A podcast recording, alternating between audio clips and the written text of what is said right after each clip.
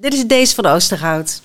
Herken je dat? Dat je soms erachter komt dat de opdrachtgever toch net even iets anders had bedoeld dan dat jij had gemaakt. Of dat je een heel participatietraject hebt opgezet met en allemaal verwachting hebt gecreëerd en je dan plotseling achterkomt dat het misschien toch al intern veel meer besloten is dan je dacht. Of dat de ruimte die je dacht dat er zou zijn, eigenlijk niet was. Ehm, ja, uh, en dan? Vaak evalueren we dat soort trajecten. Er is een heleboel niet goed gegaan. En de conclusie is ja, dat we aan de voorkant beter hadden moeten sturen. Dat is een conclusie die ik heel vaak hoor. Of dat we niet meteen hadden moeten beginnen te rennen. En dat we aan de voorkant misschien hadden moeten vertragen.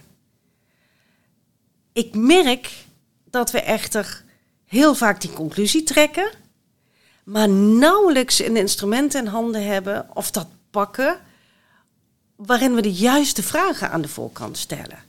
Er is wel een PSU, een project startup, maar dat biedt naar mijn idee onvoldoende soelaas om dit soort gedoe aan de voorkant te voorkomen.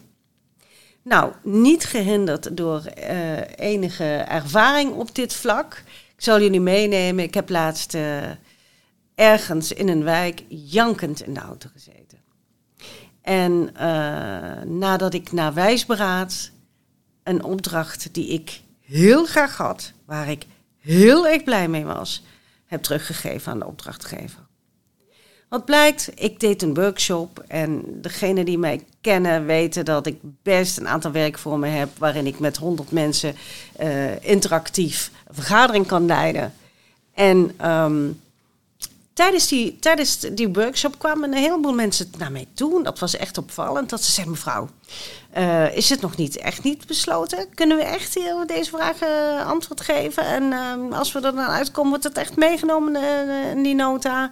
Ja, ja, ja, ja, ja. Dus heel bewust is deze bijeenkomst gecreëerd. Jullie mogen allemaal meedenken. En ja, natuurlijk, we gaan die nota samen maken. Ja, en terwijl ik bij die bijeenkomst stond, kreeg ik al zo'n gevoel van verrekt. Het zijn maar heel veel mensen en misschien klopt hier wel iets niet. Uh, en toen dacht ik al, heb ik dit van tevoren dan expliciet voldoende gecheckt? Volgens mij had ik dat toch wel gedaan. Maar er gebeurde nog iets tijdens de bijeenkomst.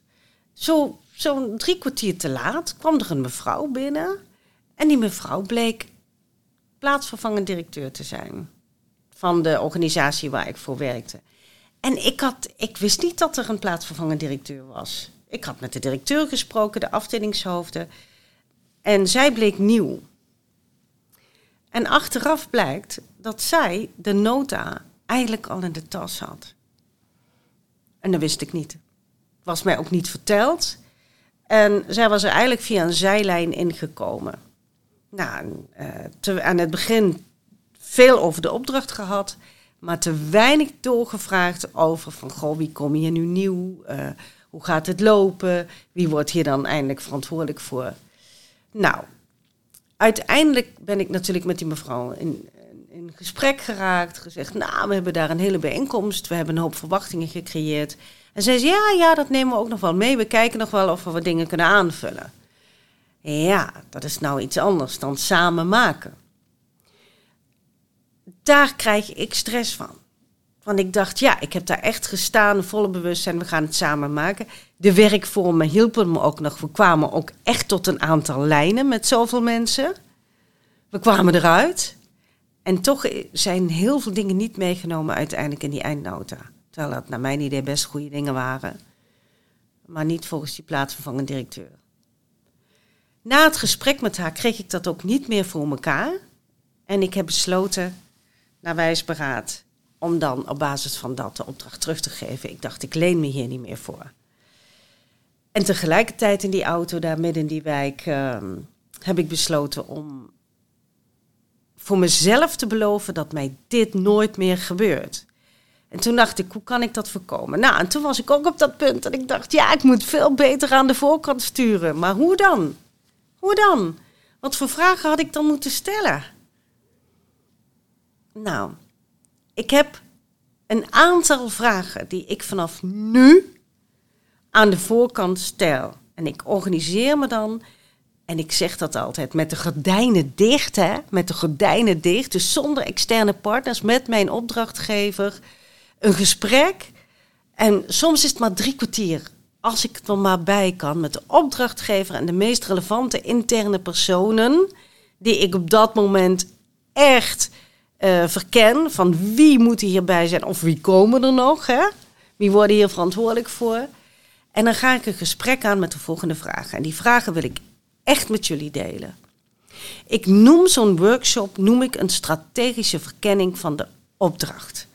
En wat is een strategische verkenning van de opdracht? Uh, dat is dat ik samen met de interne mensen, dus ook met juristen die betrokken kunnen worden, of de controller als dat nodig is, of de ICT-mensen, of de programmamanagers en de verantwoordelijke opdrachtgevers.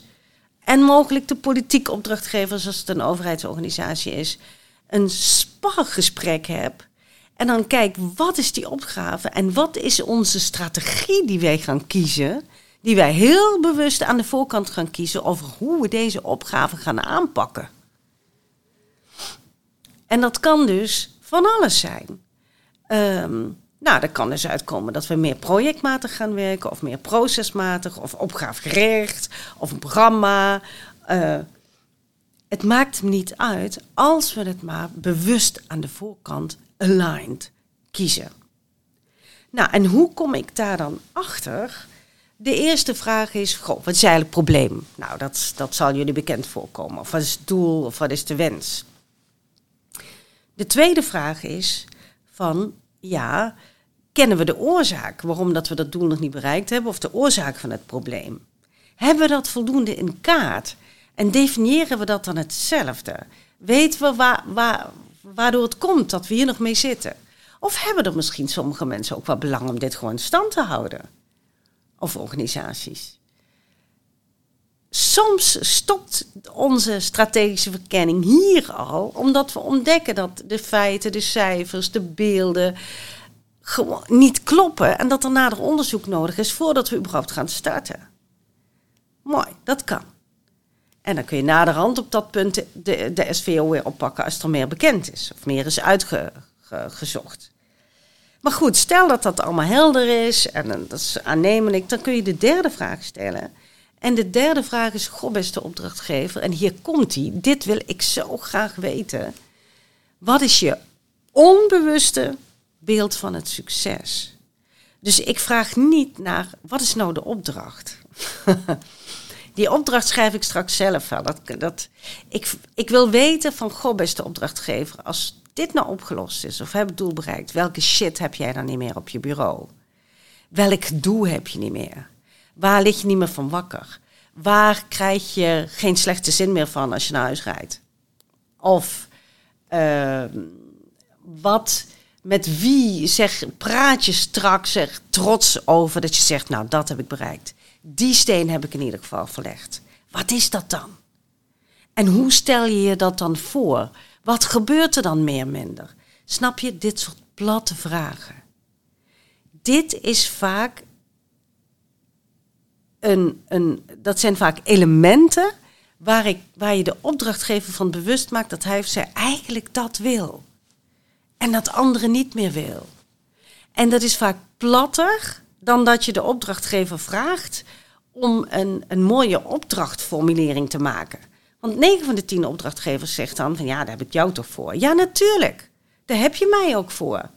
Ik kom ook niet naar de opdracht, maar ik kom vragen naar het platte, vaak onbewuste beeld van het succes. En dan kom ik hier wakker kussen in dat gesprek. En dan weet ik waar die opdrachtgever namelijk gaandeweg op gaat sturen. Wat voor hem of haar uh, belangrijk is. Want langzaam, als ik dat van tevoren niet vraag en ik ga met een heldere opdracht vertrekken, dan wordt die opdrachtgever langzaam zelf duidelijk van mm, nee, maar dat had ik niet bedoeld. Nou, en dan heb je, de, ja, dan, dan, dan heb je dus een heleboel gedoe tijdens de uitvoering van opdracht. Want dan gaat die opdrachtgever gaat bijsturen wat jij weer niet wil. Nou, dus vraag expliciet naar het beeld, het onbewuste beeld van het succes. Maar niet alleen van die opdrachtgever, maar ook van de andere mensen aan tafel. En dan zie je vaak dat we dan een gesprek hebben van... goh, waar gaan we eigenlijk als organisatie voor standpunten nemen hierop? Wat is ons belang eigenlijk? Wat kunnen we die onbewuste beelden van succes... van, van de hoofdjuridische zaken en uh, financiën... maar ook de programmamanager of de opdrachtgever zelf... kunnen we dat bij elkaar krijgen? Vaak begint het hier al, hè, mensen. Doordat we intern onvoldoende dit van elkaar weten... En dan zie je dat gaandeweg ieder zijn eigen, eigen, op zijn eigen manier gaat vinden om dat toch nog op te gaan sturen. Terwijl we al begonnen zijn. Um, dat is de eerste vraag. Het onbewuste beeld van succes. Vervolgens kun je dan vragen: uh, Goh, wie hebben we hiervoor nodig om dit te bereiken? Zijn we van mensen of organisaties afhankelijk om dat beeld van succes te bereiken? Of kunnen we het alleen? Willen we het alleen? En wie zijn dat dan?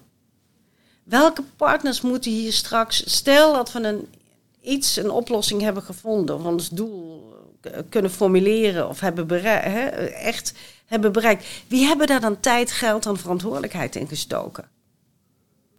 Ik noem dat met een, in de theorie noem ik dat commitment partners. Wie zijn nou die commitment partners die er echt met ons voor moeten gaan? Wie moeten we zo gek zien te krijgen om met ons uh, samen te gaan na te denken hoe we dit oplossen en hoe we dit gaan uitvoeren? Want anders, ja, we kunnen het niet alleen. Of kunnen we het wel alleen? En gaan we ook alleen?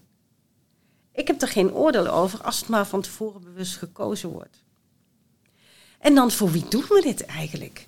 Wie moet hier straks naast ons ook nog blij mee zijn? En hoe gaan we die mensen dan betrekken? En welke plek in onze opdracht geven we die dan? En dat noem ik trouwens de creditpartners. En vervolgens heb je nog de consensuspartners. Dat zijn de partners die naderhand het inhoudelijk allemaal niet zoveel interesseert wat er gebeurt, mits er maar geen extra risico's worden genomen. Mits onze oplossing niet op staatssteun gaat lijken. Mits onze oplossing voldoet aan de, de begrotingsregels. Mits onze oplossing niet enkele juridische regels overtreedt. Mits, et cetera. Dat zijn de mensen die straks een paraaf moeten zetten op hele andere gronden dan of wij de goede oplossing hebben gevonden voor het probleem. Dat zijn de consensuspartners. Nou, als we dat allemaal kijken en we zeggen, ja, ja, ja, ja, om dit beeld van succes te bereiken zijn we wel afhankelijk. Ja, dan is de volgende vraag, hmm, wat hebben we om hen mee te krijgen? Wat hebben we daar dan voor over? Met andere woorden, wat is onze ambitie ten aanzien van draagvlak van, die, van de commitment partners bijvoorbeeld? Hè? Van die partners die we echt moeten meekrijgen. Of van de mensen voor wie we dit doen. Stel dat wij zelf zeggen van wij, wij definiëren, hè, wij willen dat dit eruit komt en we hebben dit belang en dat moet geborgd worden. En vervolgens wordt die opdrachtgever enthousiast en die zegt ook nog eens van ja, ja, het moet een roze doos worden met uh, blauwe strik en witte stippen. Hmm, ja. Als je draagvlak wil, als je afhankelijk bent van anderen, dan moet je er in het begin rekening mee houden dat het onzeker is of die roze doos, of het die roze doos met die witte stippen en die blauwe streek wordt. Want het kan zomaar zijn dat een ander zegt van dat hij helemaal niet van een blauwe strik houdt en dat hij, eh, nou, als het een blauwe strik wordt, het niet meedoet. Dus kijk, hier voel je het spanningsveld wat ik hier meteen op tafel trek. En dat is meteen uh, zeg maar het gesprek wat ik niet aan de voorkant heb gevoerd met die plaatsvervangend directeur, waardoor ik jankend in de auto zat.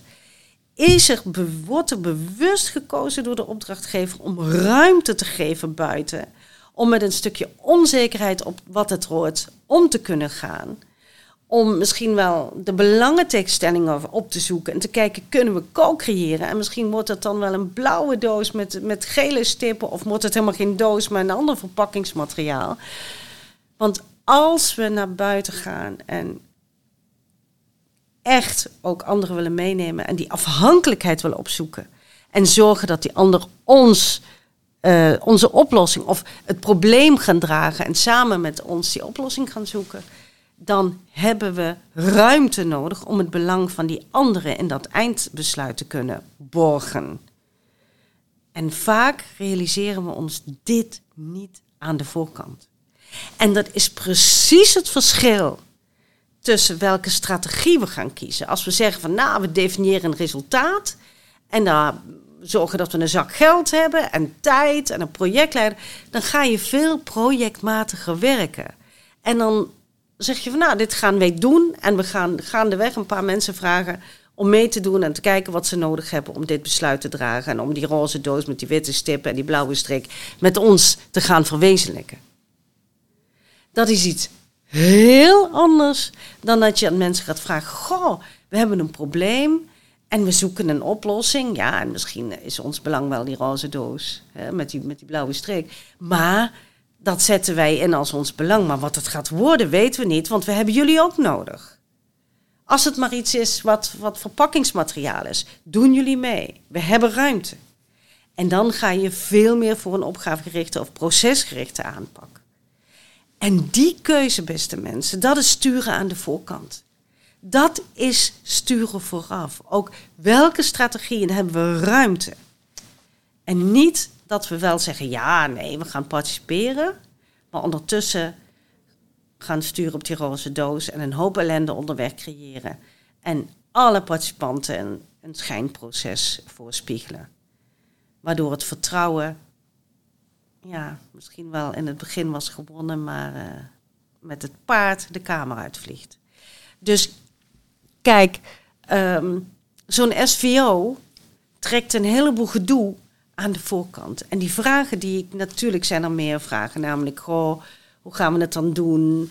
En wie wordt dan de projectleider of de procesregisseur of de programmamanager? Of um, en uh, wat is dan ons echte belang wat we meegeven? En moeten wij dan het traject gaan trekken of vragen we dat dan een andere?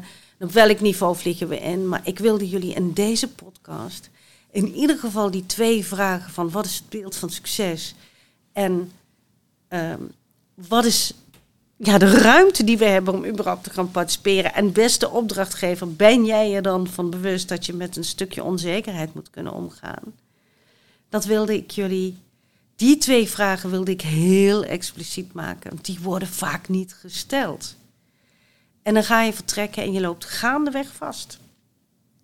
Dus um, ja, natuurlijk uh, kun je op mijn website kun je, kun je die vragen nog een keer nakijken of bel me en ik stuur ze je op. Maar ik hoop echt dat je de kracht vindt om aan de voorkant een gesprek van zo'n drie kwartier Soms duurt het wat langer, maar minimaal drie kwartier heb je echt wel nodig te vinden om deze vragen met elkaar te bespreken. En dit ja, conflict, noem ik maar, aan de voorkant op te zoeken. En het niet gaandeweg tijdens je project of proces tegen te komen. Want weet je, het is zo zonde dat ik vaak in organisaties hoor van waarom hebben we niet de tijd om iets in één keer goed te doen, maar wel weer altijd de tijd om het steeds weer over te doen. En dat is exact wat ik met een SVO wil voorkomen. Nou, ik wens jullie veel moed, lef en heel veel liefde voor je vak om dit te gaan uitvoeren. En ik bedank IPMA van harte dat ze me hebben gefaciliteerd om deze podcast voor jullie te maken. Dankjewel.